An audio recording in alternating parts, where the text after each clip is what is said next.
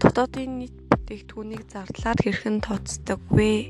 Хэрэглэгчдийн эцсийн хэрэглээндээ зориулан худалдан авахд зарцуулсан бүтээгдэхүүн үйлчилгээний зардлын нийлбэр дүнгээр дотоодын нийт бүтээгдэхүүнийг тодорхойлох аргыг зардлаар тооцох гинэ. Гадаадын хэрэглэгчдийн зардлыг тооцохдоо экспортын орлогоос импортын зардлыг хасаж цэвэр экспорт гардаг. За дотоодын нийт бүтээгдэхүүнийг хэрхэн тооцдог вэ гэвэл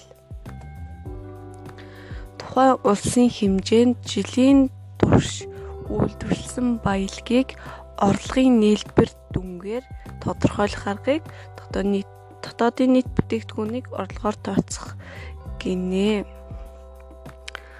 За нэрлсэн болон бодит дотоодын нийт бүтээгдэхүүний тухай ойлголт гэвэл за нэрлсэн болон бодит дотоодын нийт бүтээгдэхүүнийг бүтээгдэхүүн гэдэг нь дотоодын нийт бүтээгдэхүүнийг өнөөгийн үнээр тооцсон дотоодын нийт бүтээгдэхүүн харин тогтмоор тогтмолоор тогтмолоор тогтмол үнээр тогтсныг бодит дотоодын нийт бүтээгдэхүүн гэх нь тэгэхээр тэгэхээр өнөөгийн үнээр тооцсныг нэрлсэн дотоодын нийт бүтээгдэхүүн тогтмол нь болохоор бодит дотоодын нийт бүтээгдэхүүн.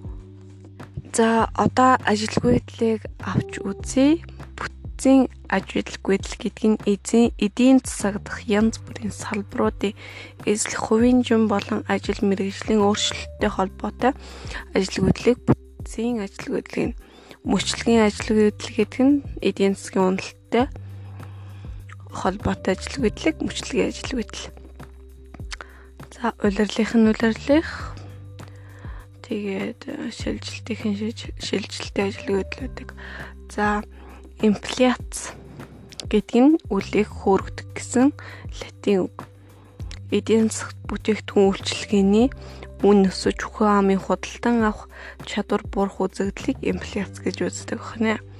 Америкийн эдийн засагч Fisher 20 дугаар зууны ихээр гүйлгэнд байгаа мөнгөний тоо хэмжээ бүтээгдэхүүн үйлчилгээний үнийн түвшинд нөлөөлдөг болохыг судалж гүйлгээнд байгаа мөнгөний хэмжээ хэдий их байна бүтээгдэхүүний үйлчлэгээний үн төдийчнээ өндөр байна гэж тогтоосон байх нэ. За эдийн засгийн дараах дэд сэдвийн агуулга бол томьёонууд нэр томьёог авч үзье. М тэнцүү пиквик хухан ти Ийм байвал гүйлгэнд байгаа мөнгөний тоо хэмжээ үйлдвэрлэсэн бараа бүтээгдэхүүний үнийн дүнтэй тэнцэж эдийн засаг тогтворж нөө тэнцүү байвал орондоо тэнцүүгийн тэмдэгтэй байвал эдийн засаг тогтворж байна. Харин эм нь пиквик хувахан тгээсэн их байвал эдийн засагт мөнгөний илүүд болж мөнгө үнцний алдаж болмаар инфляц үүснэ. Тэгэхээр эм нь их байвал инфляц үүсгэнэ. А M нь бага буюу Piquet квантин их байвал эдийн засагт мөнгөний хомсдол үүсэж нийт эрэлт буур буурна. Үгээр дефляц үүсгэнэ. За дараагаар нь болохоор мөлхөө цөгөө гэд ийм инфляцууд байдаг тийм ээ. За тэгэхээр үнийн өсөлтийн хувьас хамааруулж мөлхөө инфляц нэг оронтой тоонд багтах инфляц нь цөгөө хоёр оронтой тоонд багтах инфляц нь хэтрүү буюу гиперинфляц гурван оронтой тооноос давсан инфляц гэж үзнэ. За ажилгүй гэдэг тодорхойлолт нь болохоор ажилгүйд нь хөдөлмөрийн зах зээл дээрх мөчлөгт үзэгдэл бөгөөд ажиллах хүчний эрэлтээс нийлүүлэлт давснаар илэрнэ. За үнэт цаас гэдэг нь болохоор засгийн газар болон бусад эрх этгээдээс гаргасан өрийн бичиг, бонд, хувьцаа түүнийг худалдах, худалдан авах эрхийн бичгийг нийтд нь нийтд нь үнэт цас гэж нэрлэнэ. Тэгэхээр үнэт цас гэдэг нь засгийн газар болон бус эр бүхий томоохон тийм албан эрх мэдэлтэй тийм хүмүүс бонд хувьцаа түүнийг худалдах худалдан авах эрхийн бичгийг нийт нь үнэт цас гэж нэрлэдэг байна. За хөрөнгөний бэрч хөрөнгөний бэр гэдэг нь үнэт цасыг бонд өрийн бичих хувьцаа гэсэн үг тийм ээ. Үнэт цас гэдэг нь үнэт цасыг эрэлт нийлүүлэлтийн хуулиар зохицуулсан үнээр худалдаж худалдан авдаг бусад бусдад шилжүүлэх гэх мэт үнэт цасны арилжаа явагдаж байдаг зохион байгуулалттай төрийн зохицуулалттай санхүүгийн зах зээлийг хэлнэ. Хөрөнгөний бирж гэдэг нь болохоор үн заас эрэлт нийлүүлэлт хуулиар тогтоосон ерөнхийдөө төрийн байгуул зохицуулалттай санхүүгийн зах зээлийг хөрөнгөний бирж гэнэ. За биржийн үйл ажиллагаанд брокер, дилер, Андре Тэрийн үйл ажиллагаа чухал үүрэгтэй байдаг. За тэгвэл брокерийн үйл ажиллагаа гэдэг нь үнэт цаасыг зах зээл бусдын нэрийн өмнөөс үнэт цаасыг жуулчлан худалдах худалдан авах ажиллагаа юм аа. За харин дээллэрийн үйл ажиллагаа гэдэг нь үнэт цаасны зах зээл дээр ашиг олох зорилгоор дилер гэхээр ашиг олох зорилгоор үнэт цаасыг өөрийн хөрөнгөөр худалдан авах, худалдах, арилжаа арилжах ажиллагааг хэлнэ. За Андре Тэрийн үйл ажиллагаа гэдэг нь болохоор үнэт цаас гаргахтай байгуулсан гэрээний дагуу үнэт цаасны тухай танилцуулга бэлтгийг шинээр болон нэмж гаргаж байгаа үнэт цаасны бүгдийг буюу тодорхой тодорхой худалдан авах, худалдах эсвэл үнэт цаас гаргахчийн гэрээ нэрийн өмнөөс үнэт цаасыг нийтэд санал болгон арилжах ажил үйл ажиллагааг хэлнэ. Тэгэхээр нийтэд санал болгох үйл ажиллагааг өндрөө тэр үйл ажиллагааг гинэ.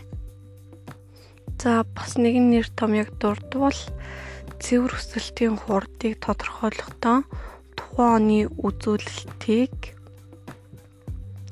өмнөх оны үзүүлэлтээ хуваагаад 100 100-т үржээд 100% үржээд 100%-аас хасаад олдог хнэ.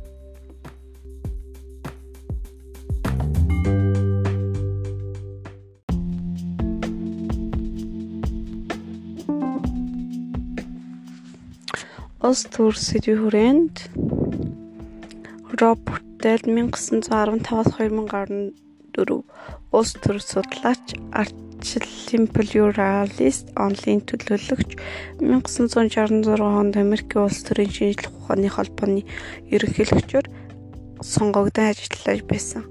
Роберт Дэл нь ардчлалын үнэт зүйлсийг нэрвчлэн судалж ойлголтыг тэгсэж өгсөн ярьж юм аа. Үн Энэхүү ардчлалын үнд зүйлсэд нь хүний хэрэгчлөө тэгшэрх олон намын тогтолцоо, хуулийн засаглал, тогтмол чөлөө шудрах сонгуул гэх зэрэг үнд зүйлсийг авч утсан байна. Монгол улс нь 1924 онд хамгийн анх үнд суулаа баталсан бол дараагаар нь 1940, 1960, 1992 онуудад тус тус үнд суулаа өршөөлж баталсан байдаг. За тэгээд дараагийн эрдэмтэн болох Никол Ди Бернарда Маквелли Маквеллин 1900 1469-1527 Сэрэг мандалтын үеийн түүхч, улс төр судлаач, дипломатч, философч, зохиолч, орчин үеийн улс төрийн шинжлэх ухааныг үндэслэгч хүн юм Маквеллин 1513 онд эзэн Ван зохиолыг бичснээр төрийн шинжлэх ухааны хөгжил томоохон хөв нэмэр оруулжээ. Тэрээр улс төр бол эрх мэдэлд хүрэх эрх мэдлийг тогтоож барьж байх ашиг хонжоо олохын тулд эрх мэдлийг ашиглан бодлогын арга хэрэгслийн цогц юм гэж тодорхойлсон байх нэ. Маквелийн тодорхойлсноор улс төрийг ингэж тодорхойлсон бол Дэс тооны 1967-аас 2014 Америкийн улс төр судлаач улс төрийн шинжлэх ухаанд системийн оролт, хуваарлалт, гаралт, эрг холбоо, орчин гих тав алхмаар төрийн бодлогыг боловсрог төрийн бодлого боловсрогддог гэж үзсэн. Тэрээр улс төр бол нийгэмдих үнэт зүйлсийг эрх мэдэл тулгуурлан хуваарлан байршуулах үйл явц юм а гэж тест утсан байх нэ. За тэгээд дараагийн хам ардчлал бол хамгийн мод засаглалын хэлбэр. Гэхдээ хүн төрөлхтөө үүнээс илүү хараахан олоогүй байна гэж В Черчилль утсан байдаг. За дараагаар нь төрийн эрх мэдлийг хэрхэн яаж хуваарлах тухай асуудалд иш Монтескижи Локнор хамгийн ач холбогдол өгсөн хийх өрөг гүйцэтгсэн эрдэмтэд тийм үү иш Монтески гэхор хэрэг хууль тогтоох гүйцэтгэх хэрэг мэдлийг нэг этгээдэд буюу байгууллагуудад нэгтгэвэл эрхчлөө хэрэгжихгүй бөгөөд эзэн хаан болон хууль тогтоогчид дарангуйлагч хуулийг тогтоож хэрэгжүүлэгч хэрэгжүүлэх нь аюулт тулгарна түнчлэн шүүх эрх мэдэлд хууль тогтоохгүй цэцгэх эрх мэдлэг тусгаарлагдахгүй тохиолдолд мөн эрхчлөө үйл оршино. Хэрэг шүүх эрх мэдэл тогтоох эрх мэдэлтэй нэгдвэл иргэдийн амьдрал эрх чөлөө дур зоргын зүйлс болж шүүгчд тогтоогчд болно. Хэрэг шүүх эрх мэдлэг гүйцэтгэх эрх мэдэлтэй нэгдвэл шүүгчд дагангуулагчд болох бололцоог бүрдүүлнэ гэж төрийн эрх мэдлийг хуурлах хэм болон эс хурдлахын үндсэн утга учир давхрыг тодорхойлсон байна. Харин Жилокийн хорлохороо тэрээр дэд засаглалт хоорондоо харилцан уялдаа тахирлцсан үйл хамаарах гурван улс төрийн байгууллагаас бүрдэх ёстой. Хууль тогтоох засаглал буюу парламент шүүх арим гэсэн гол бүтэц бүхийг гүйцэтгэх засаглал хаан болон сайд нар багттай байгууллага буюу холбооны засаглал эдгээр болно гэж үзжээ.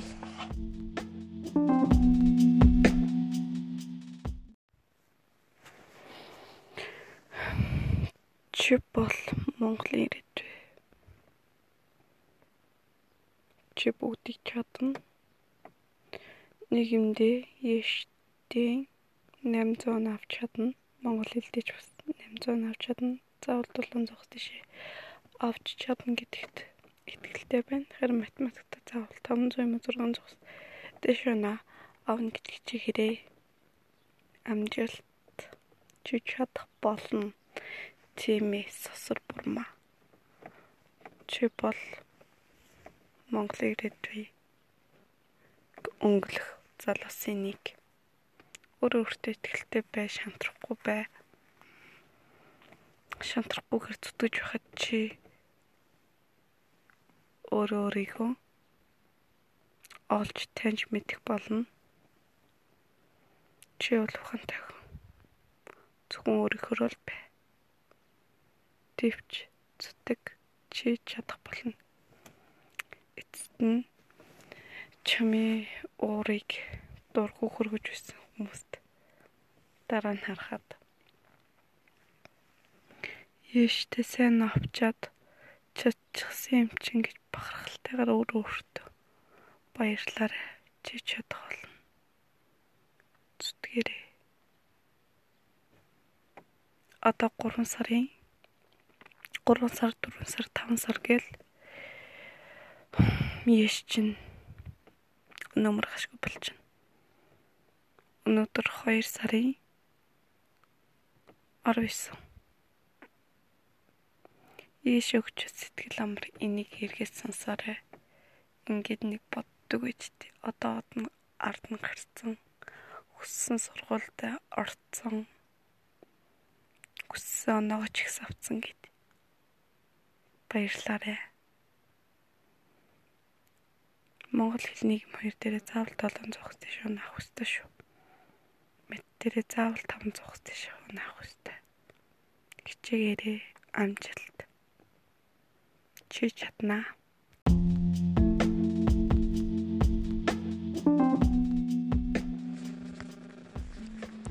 Олон улсын харилцаа гэдэг нь дэлхийн улс ба улс оролцогчид хоорондын олон талт харилцаа. тэдний гадаад бодлого, үйл ажиллагааг судалдаг нийгмийн шинжилгээ ухааны салбар юм аа. Олон улсын харилцааны үндсэн оролцогч нь бүрэн эрхт тусгаар тогтносон улс байдаг.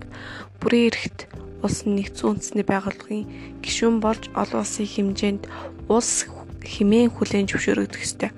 Нэгдсэн үндэсний байгууллагын гишүүн хэмээн хүлээн зөвшөөрөхийн тулд улс орнууд хүнд бэрх амаргүй замыг туулж нэгдсэн үндэсний байгууллагад дийлсдэг байна.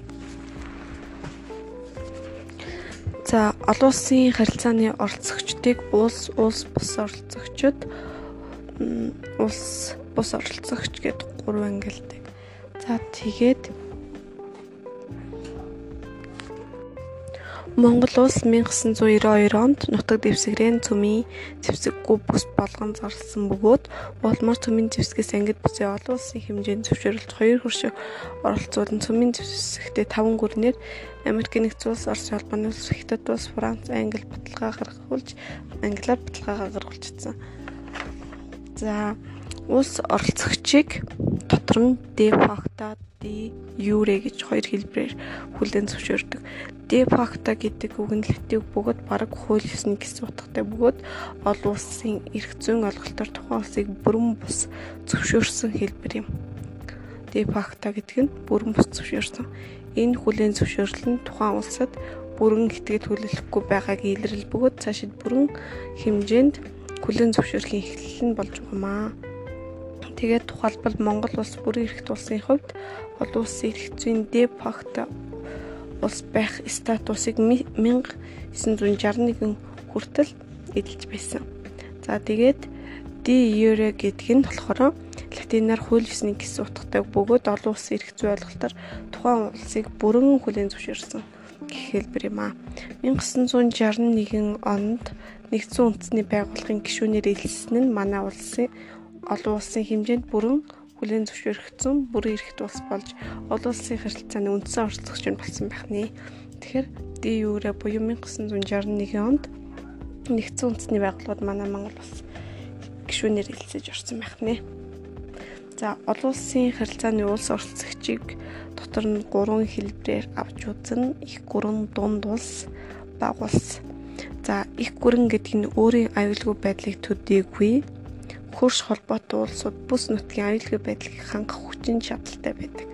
За тэгэхээр их гүрэн гэдэг нь болохоор өөрийг нь болоод бусдыг бусдад тусалж чаддаг тэр бус нутгийн аюулгүй байдлыг хангах тийм их хүч чадалтай тийм гүрэн байх нь.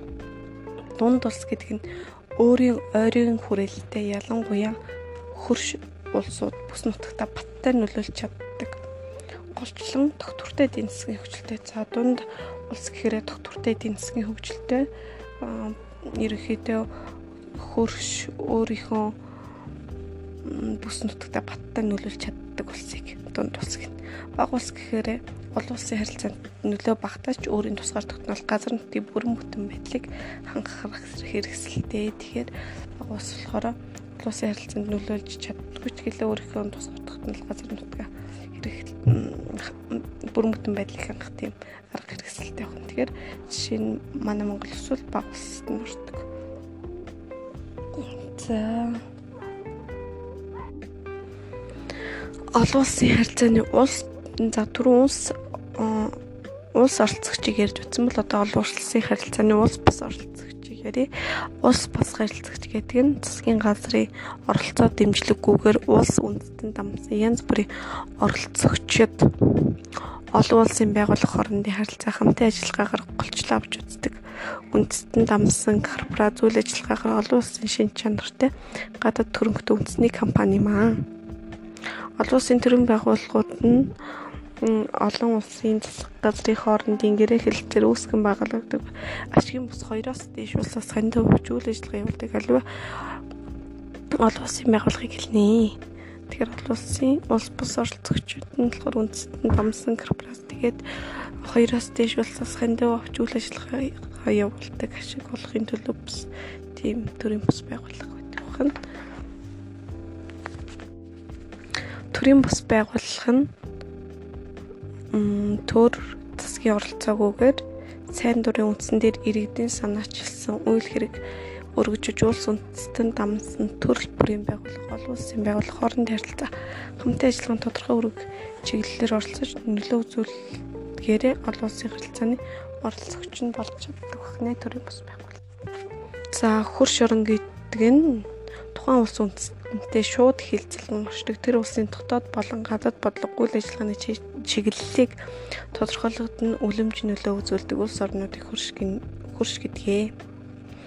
Мөнхийн дайсан гэж байдаггүй мөнхийн хөрш байдаг хэмээн 20 дугаар зууны шилдэг улс төрч уу чирчил хэлсэн байдаг.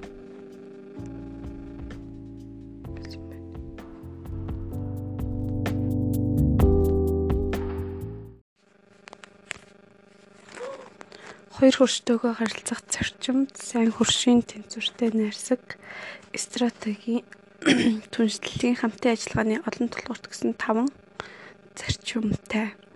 За харин чиглэл нь болохоор хоёр хөрштөөгөө харилцах чиглэлд нь эдийн засгийн, соёлын, боловсролын, хүмүүнлэгийн, улс төрийн гэсэн чиглэлээр үйл ажиллагаагаа явуулдаг байна. Олон улстай харилцах харилцааны үндэс 1993 онд Монгол улсын ерөнхийлөгч Очир бут улсын олон Оросын холбооны улсад хийсэн төрийн ажлын үеэр Монгол Оросын хооронд байгуулсан найрсаг харилцаа хамтын ажиллагааны тухай гэрээ олон улсын харилцааны ерөнхийлөгч Веб Путин 2000 оны 11-р сард Монгол улсад альчлах үеэр байгуулсан Улаанбаатарын тунхаглал юм а. За харин Хятадтай харилцах харилцааны үндэс нь болохоор 1994 онд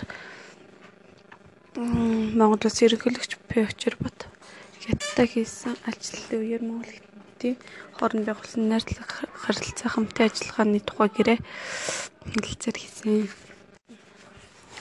Анх нэгдсэн үндэсний байгууллага нь Америкийн нэгдсэн улсын Сан Франциско хотноо анх 51 улсын оролцоотойгоор 1945 оны 10 дугаар сарын 24-нд үүсгэсэн энэхүү байгууллагууд өдгөө түүний дүрмийг хүлээн зөвшөөрч баримтаж ажиллагаа илэрхийлсэн дэлхийн 193 улс гишүүнээр нэгдэж орсон байна.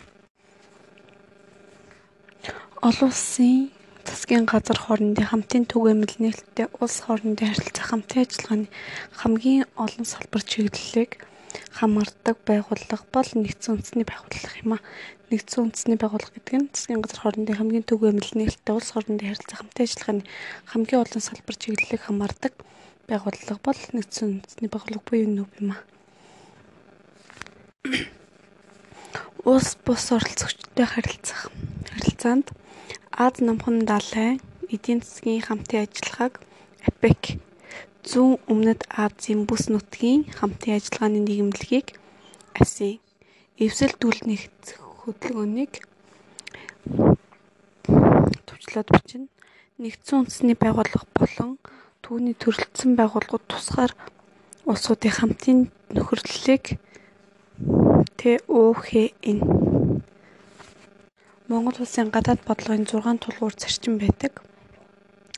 Үүнд нь болохоор хөрш орнуудтайгаа найрсагаар тэнцвэртэй харилцах, өрнөд орны өндөр хөгжилтэй гүрнүүдтэй найрсаг харилцаагаа хөгжүүлэх, хөгжиж буй орнуудтай нийтлэг зорилтын үүднээс бодит боломжийн хэмжээнд хамтран ажиллах.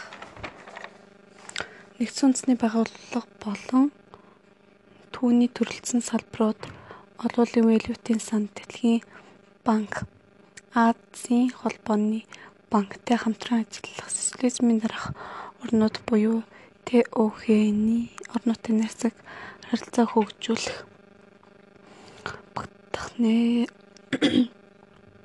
гурав дахь хөршийн бодлогот нь болохоор Монгол улс зөвхөн хоёр хөршийн хам оролдоор байх ёсгүй. Хоёр хөршийн нөлөөллийн зохих тэнцвэрийг хадгалахад гурав дахь хүч буюу гурав дахь хөршийн нөлөөлөл байх ёстой гэсэн үднэс 1990 оноос баримталж ирсэн шинэ бодлого юм аа. За тэгээд зөөлөн хүч хатуу хүч гэж хоёр хувадаг бол зөөлөн хүч нь албадлаг урамшууллаар бус харин бусад улсын сэтгэлийг өөртөө татах замаар өөрөө хүсэж буй үр дүнд хүрэхийн тулд бусдад нөлөөлөх чадварыг зөөлөн хүчний бодлого гэнэ. Хатуу хүчний бодлогот нь их гүрнүүд цэрэг эдийн засаг хүч чадвартай тулгуурлан хүчээр төрий барих бодлого хэрэгжүүлэхийг хэлнэ. Дүүчний бодлого. Ухаалаг хүчний бодлого нь эдийн засаг, соёл зэрэг бүх арга хэрэгслээ тэнцвэртэй хоршуулах арга чадвар юм аа. Ухаалаг хүчний бодлого.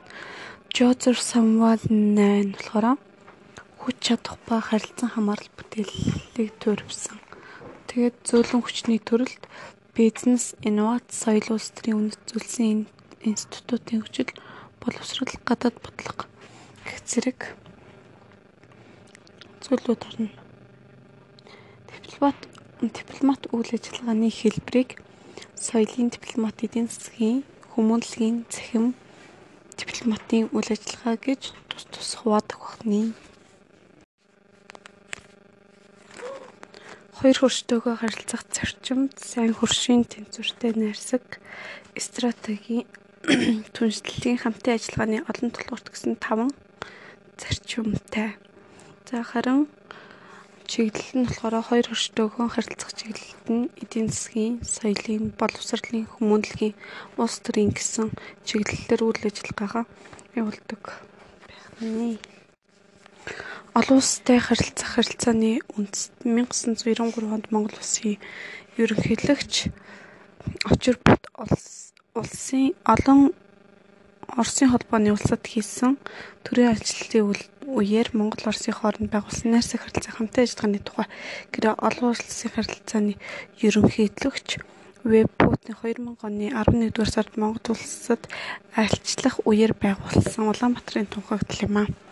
За харин Хятадтай харилцах харилцааны үндэс нь болохоор 1994 онд Монгол улс ерөнхийлөгч П. Очирбат Хятадтай хийсэн альчлалын үеэр Монгол Хятадын хооронд байгуулсан найрлах харилцаа хамтын ажиллагааны тухай гэрээ хэлэлцээр хийсэн. Анх нэгдсэн үндэсний байгууллага нь Америкийн нэгдсэн улсын Сан Франциско хотноо анх 51 улсын оролцоотойгоор 1945 оны 10 дугаар сарын 24-нд үүсгэсэн энэхүү байгууллагууд өдгөө түүний дүрмийг хүлээн зөвшөөрч баримтаж ажиллагаа илэрхийлсэн дэлхийн 193 улс гишүүнээр нэгдэж орсон байна. Олон улсын засгийн газар хоорондын хамтын түгээмэл нээлттэй улс хоорондын харилцаа хамтын ажиллагааны хамгийн олон салбар чиглэлийг хамаардаг байгууллага бол нэгдсэн үндэсний байгууллага юм а. Нэгдсэн үндэсний байгууллага гэдэг нь засгийн газар хоорондын хамгийн түгээмэл нээлттэй улс хоорондын харилцаа хамтын ажиллагааны хамгийн олон салбар чиглэлийг хамаардаг байгууллага бол нэгдсэн үндэсний байгууллага буюу нүүб юм а. Улс бус оролцогчтой харилцах харилцаанд Аз намхан далайн эдийн засгийн хамтын ажиллагааг АПЕК зүүн өмнөд Азийн бүс нутгийн хамтын ажиллагааны нийгэмлэгийг АСЕАН эвсэлдүүл нэгдэх хөдөлгөөнийг төвчлөөд бичнэ. Нэгдсэн үндэсний байгууллага болон түүний төрөлцсөн байгууллагууд тусгаар улсуудын хамтын нөхөрлөлийг ТΟХН Монгол улсын гадаад бодлогын 6 тулгуур зарчим байдаг. Үүнд нь болохоор хөрш орнуудтайгаа найрсагаар тэнцвэртэй харилцах, өрнөд орны өндөр хөгжилтэй гүрнүүдтэй найрсаг харилцаагаа хөгжүүлэх, хөгжиж буй орнуудтай нийтлэг зорилтын үүднээс бодит боломжийн хэмжээнд хамтран ажиллах. Нэгдсэн үндэсний байгууллага болон түүний төрөлцсөн салбарууд олуулын валютын сан дэлхийн банк Азийн холбооны банктай хамтран ажиллах социализмын дараах орнууд буюу ТОХ-ны орнуудын найрсаг харилцаа хөгжүүлэх багтахны гурав дахь хөршийн бодлогот нь болохоор Монгол улс зөвхөн хоёр хөршийн хам оролдоор байх ёсгүй. Хоёр хөршийн нөлөөллийн зохих тэнцвэрийг хадгалахад гурав дахь хүч буюу гурав дахь хөршийн нөлөөлөл байх ёстой гэсэн үднэс 1990 оноос баримталж ирсэн шинэ бодлого юм аа. За тэгээд зөөлөн хүч хатуу хүч гэж хоёр хувадаг бол зөөлөн хүч нь албадлаг урамшууллаар бус харин бусад улсын сэтгэлийг өөртөө татах замаар өөрөө хүсэж буй үр дүнд хүрэхийн тулд бусдад нөлөөлөх чадварыг зөөлөн хүчний бодлого гэнэ. Хатуу хүчний бодлогот нь их гүрнүүд цэрэг эдийн засаг хүч чадвартай тулгуурлан хүчээр төрий барих бодлого хэрэгжүүлэхийг хэлнэ. Дүүчний бодлого. ухаалаг хүчний бодлого нь эдийн засаг, соёл зэрэг бүх арга хэрэгслээ тэнцвэртэй хоршуулах арга. Чадвар юм аа. Ухаалаг хүчний бодлого. Жозеф Самвал 8 болохоор хүч чадах ба харилцан хамаарал бүтээлийг төрөвсөн. Тэгээд зөөлөн хүчний төрөлд бизнес, инновац, соёл улс төрийн үнэт зүйлсийн институтын хүчил боловсрол гадаад бодлого гэх зэрэг зүйлүүд орно. Дипломат дипломат үйл ажиллагааны хэлбэрийг соёлын дипломат эдийн засгийн хүмүүнлэгийн цахим дипломатын үйл ажиллагаа гэж тус тус хуваадаг багны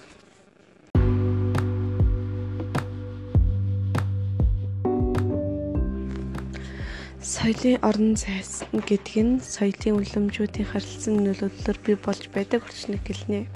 Соёлын орон зайн төрсөн нутаг биш, соёлын дурсгалт зүйл биш, зүйлс биш, харин улс үндэстэн хүмүүсийн хамтын мэдрэмж юм аа.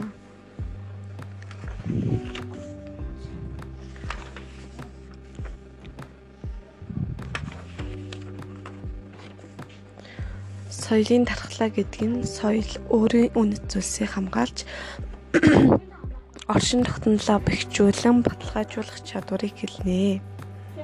Өөрөөр хэлбэл соёлынх нь өвөрмөц байдал болон бусдаас ялгаран онцгой хэв маягт гадны нөлөө орж өөрчлөгдөх эсвэл соёлын тулгалтаар устгах оролдлого гаргах тохиолдолд бүрд хариу үзүүлэх чадвар.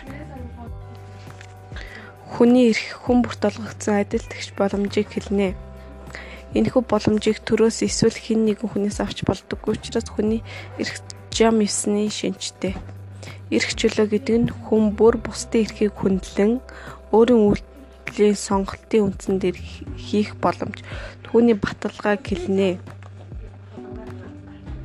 Соёлын эрх чөлөөнд Джон Лок 1632-1700 дөрөв хүнд ч байгаль саяасан засаглах эрх өөрөөр хэлбэл хүнд ч бусдыг хан захирах төрөлх эрх гэж байдаггүй. Эрх бол хүн бүрд хамаарах ёстой. Хүн төрөлхөөс заяасан гурван эрх байна. Энэ нь амьдрах эрх, эрх чөлөөтэй байх эрх, өмчлөх эрх юм. Хуулийн зорилго нь хүний эрхийг устгах буюу хавчан хясах явдал биш харин түүнийг хамгаалж өргөжүүлэх явдал мөн. Кемп бэлэнлэхээр эрх чөлөө бол хүний амьдралын эрхэм зорилго хувь хүний өөрийгөө нэг хувь чанараа хөгжүүлэх боломж мөн. Бид хараат байдлаас гарч эрх чөлөөг оллоо гэхэд юу хийхээ мэддэг байх нь хамгийн чухал. Эрх чөлөөтэй байх хэсэг нь хувь хүнээс өөрөөс нь шалтгаална. Э фромихоор хүн бүрийн өвөрмөц боломжийг хүлээн зөвшөөрч тэр бүрийг хөгжүүлэхээр тэмцэнэ гэдэг хүмүүний соёлын хөгжлийн үндэт ололт яах аргагүй мөн гэж хэлжээ. Соёл судлалын ухаанд соёлын шок гэсэн ойлголт байдаг. Энэхүү ойлголтыг анх 1954 онд Америкийн сэтгэл судлаач К. Оберг хэрэглэжээ. Соёлын шок гэдэг нэр томьёог монголоор цочирдл гэж орчуулан хэрэглэж байна. За эрхцүү бүлгийн хүрээнд Тэгопсийнхоор төр бол Ливофон харин П Пастиагийнхаар төр бол татвараар сорон мөлжигч Ир Нозикхоор төр бол хүний эрхийн гол дайсан Ж Исмилихээр төр бол зайлшгүй байх ёстой муу зүйл ил актоныхоор альва эрх мэдлгүүнийг эвддэг бол хязгааргүй их мэдэл хязгааргүй эвддэгэ гэж хэлж харин Жак Руса гихоор нийгмийн гишүүн бүрийн амь би эд хөрөнгийг нийтийн хүчээр сахин хамгаалах чадвартай нийгмийн холбооны хэлбэрийг олох хэрэгтэй бөгөөд гишүүн бүр энэ нэгдэлд нэгдэх ёстой ингэснээр гагц өөрөө өөрийгөө захирч бүрдэн адил бусдаас хамаарлаггүй эрх чөлөөтэй үлднэ гэж Жак Руса хэлжээ. За Джон Локийнхоор болохоор хүмүүс байгаль саясын эрхчлөлтэй гэтэл ягаад төр захируулж эрхчлөлөөгөө хязгаарлуулдаг юм бэ? Хариулт маш тодорхой юм байгаль саясын эрхчлөлөг эдлэх нь таатай гэсэн үг биш хүмүүс бусдын халдлагад хязгаарч өртөх боломжтой байдаг юм учраас тэд төртөө энэ ижил аюулгүй байдал хангах хэрэгтэй хэрэгцээтэй байгаа хүмүүсийг олж нэгддэг. Иш Монтески хуулийн амин сүнс бүтээлтэй засаглалын эрх мэдлийг хуваарлах онлайн боловсруулж ач холбогдлыг нь тодорхойлжээ. Тэрээр засаглалын эрх мэдлийг хуулигдах гүйцэтгэх шүүх гэсэн гурван төрөлд хуваажээ. Францын 1789 оны хүний болон иргэний эрхийн тунхаг бичгийн 16 дугаар зүйлд иргэдэн ихээр хангагдаагүй засаглалын эрх мэдлийг хуваарлаагүй нийгэмд үндсэн хууль байдаг гэж заасан байдаг. Үндсэн хууль гэдэг нь засаглалын эрх мэдлийг хуваарлах хүний эрхийг баталгаажуулах улс орны суурь гол хадгалцаг зохицуулах үүрэгтэй хамгийн дэд хүчин чадалтай засаг төрийн гол хууль Өмчлөх хэрэг гэдэг нь эдийн болон эдийн бас баялагийг ашиглах эзэмших цэглэн зарцуулах боломж эхэлнэ. Өмчлөх хэргийг агуулгад хамаарах ашиглах хэрэг бол ашиглах хэрэг гэдэг нь тухайн баялагын үр шимийг хүртэх. Аа харин эзэмших хэрэг гэдэг нь бүрэн хараа хяналтандаа байлгах. За харин захиран зарцуулах эрх гэдэг нь тус баялагийг худалдах, бэлгэлэх, арилжих, зээлэх зэргийг шийдвэрлэх боломж юм аа. Нэхэмжлэл гэдэг нь иргэний хэргийн шүүхэд хандаж эд хөрөнгийн болон эд хөрөнгийн бус баялагтай холбоотой маргаж байгаа буюу зөрчигдсөн эрх ашиг сонирхлоо хамгаалахын тулд анхан шатны шүүхэд дамжуулан эрх зөрчигчдөд тавьж буй шаардлага юм аа. Өрх зүүн зөрчлийг гэмт хэргийн ба гэмт хэргийн бус гэж хоёр ангилдаг. Гэмт хэрэгт нь эргэн хууль засангийн бүртээ бүх үйлдэл эсвэл гэм гэмт хэргийн бос үйлдэлд нь эргэн хуулиас бусад хууль зөрчсөнгийн бүртээ бүх үйлдэл эс үйлдэлийг эргэцэн зөрчил гинэ. Гим хор гэдэг нь хохирол хор уршиг гэсэн ойлголтыг өөртөө багтаана хохирол гэдэг нь шууд бий болох үр дагавар хор шиг гэдэг нь хохирлын улмаас бий болсон үр дагавар. Жишээ нь хохирол дээр авч үзвэл гемт хэрэг хохирол нь гемт хэрэг уйлдсан нэр төрд халтсан гэрээний үүргээ гүйцэтгээгүй гэх зэрэг эрх зүйн зөрчлийн улмаас хүний амьд эрүүл мэнд эд хөрөнгө бусад эрх хэрэгжүүлөө оюулгүй байдал шууд учирсан үр дагавар юм аа. Шударгаар шүүлгэх эрх гэсэн ойлголтод эрх зүйн зөвлөгөө авах өмгөөлөх сонгох эрх шүүлтэнд орохгүй байх шүүх хуралдаа нэг шударгаар явуулах гин мөрөгтэй нотлогдоогүй тохиолдолд гин буруугүй тооцогдох шүүхийн шийдвэрийн үндслэг мэдэх гэх мэт бусад олон эрхийг багтаасан ойлголт юм а. Олон улсын гэрээний хэлбэрийг тунхаглал Конвенц, пакт, протокол гэсэн 3 хуваадаг бол тунхаглалт гэдэг нь хуульчлан дагаж мөрдөх албагүй зөвлөлтөнд журайлахын шинжтэй баримтчгийг тунхаглал гин. Харин конвенц буюу багт нь конвенц багт хоёр нь хоёр болон түүнээс дэш улс хуульчлан дагаж мөрдөхөөр баталсан хүний эрхийн гэрээ. Тэр конвенц гэдэг нь хүний эрхийн гэрээ. Протокол гэдэг нь хүчин төгөлдөр үйлчилж буй гэрээнд нэмэлт өршөлт оруулсан баримт бичиг. Яг протокол гэх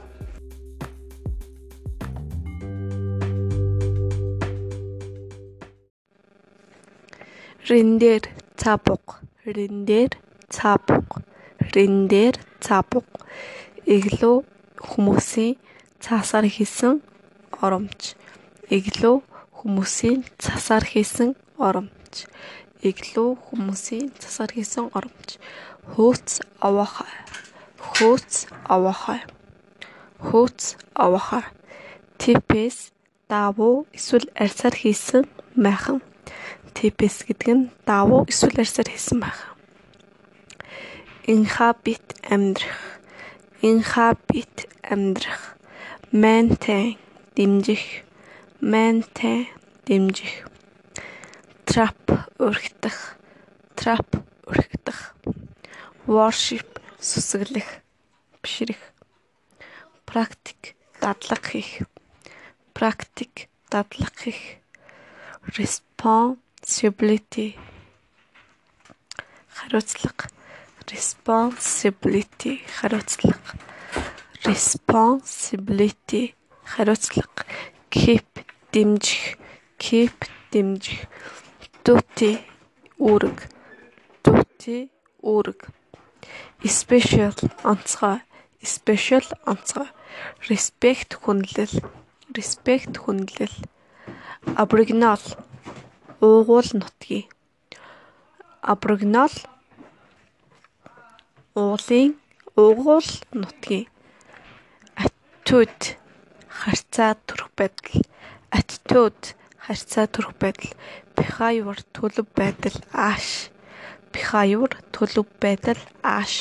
Сэл далайн хав сэл далайн хав карибо цапог карибо цак цапог бери жимскэн бери жимскэн consumption consumption consumption гэдэг нь хэрэглээ. Consumption хэрэглээ. Raw material түүхий эд raw material түүхий эд shelter хорогдох газар shelter хорогдох газар shelter хорогдох газар temporary төр зүрийн temporary төр зүрийн temporary төр зүрийн pass down өвчлөх pass down өвчлөх след чарга след чарга след чарга пүүл суглах пүүл суглах пүүл суглах намаад нүүдэлчин намаад нүүдэлчин намаад нүүдэлчин орнамент чимэглэл орнамент чимэглэл glossary тайлбар glossary тайлбар glossary тайлбар establish байгуулах establish байгуулах establish байгуулах дизайнт тодорхойлох дизайнт тодорхойлох дизайнт тодорхойлох habit уугуулндаг habit уугуулндаг migration нүүдэл migration нүүдэл migration нүүдэл migration нүүдэл significance. Significance. Significance. Ач холбогдол significance ач холбогдол significance ач холбогдол recommendation. Recommendation санал recommendation санал recommendation санал introduction танилцуулга. Introduction танилцуулга. Introduction танилцуулга. Introduction танилцуулга. Introduction танилцуулга. Passed by үл анхаарах. Passed by үл анхаарах. Passed by үл анхааруулах. Passed by үл анхаарах. Passed by үл анхаарах. Passed by үл анхаарах риндэр цапуг. Риндэр цапуг. Риндэр цапуг. Эглөө хүмүүсийн цаасаар хийсэн оромж эглөө хүмүүсийн цасаар хийсэн оромж эглөө хүмүүсийн цасаар хийсэн оромж хөөц аваахай хөөц аваахай хөөц аваахай типэс давуу эсвэл арьсаар хийсэн майхан типэс гэдэг нь давуу эсвэл арьсаар хийсэн майхан инхабит амьдрах. Инхабит амьдрах. Maintain дэмжих. Maintain дэмжих. Trap өргөдөх. Trap өргөдөх. Worship сүсгэлэх. Бишрэх. Практик дадлага хийх. Практик дадлага хийх responsibility. Хариуцлага. Responsibility. Хариуцлага. Responsibility. Хариуцлага. Keep дэмжих. Keep дэмжих. Duty үүрэг. Duty үүрэг. Special онцгой. Special онцгой. Respect хүнлэл. Respect хүнлэл. Аборигинал уугуул нутгийн. Аборигинал уулын уугуул нутгийн. Attitude харьцаа төрөх байдал. Attitude харьцаа төрөх байдал. Behavior төлөв байдал ааш. Behavior төлөв байдал ааш. Сэл далайн хав сэл далайн хав карибоо цапуг карибоо цаг цапуг бери жимсгэн бери жимсгэн. Consumption consumption consumption гэдэг нь хэрэглээ. Consumption хэрэглээ. Raw material түүхий эд raw material түүхий эд shelter хорогдох газар shelter хорогдох газар. Shelter хорогдох газар. Temporary төр зүрий temporary төр зүрий temporary төр зүрий pass down өвчлөх. Pass down өвчлөх. След чарга. След чарга. След чарга. Пүүл суглах. Пүүл суглах. Пүүл суглах. Намаад нүүдэлчин намаад нүүдэлчин намаад нүүдэлчин орнамент чимэглэл орнамент чимэглэл glossary тайлбар glossary тайлбар glossary тайлбар establish байгуулах establish байгуулах establish байгуулах дизайнт тодорхойлох дизайнт тодорхойлох дизайнт тодорхойлох habit уугуулндаг habit уугуулндаг migration нүүдэл migration нүүдэл migration нүүдэл migration нүүдэл significance significance significance ач холбогдол significance ач холбогдол significance ач холбогдол recommendation recommendation санал recommendation санал recommendation санал introduction танилцуулга. Introduction танилцуулга. Introduction танилцуулга. Introduction танилцуулга. Introduction танилцуулга. Passed by үл анхаарах. Passed by үл анхаарах. Passed by үл анхааруулах. Passed by үл анхаарах. Passed by үл анхаарах. Passed by үл анхаарах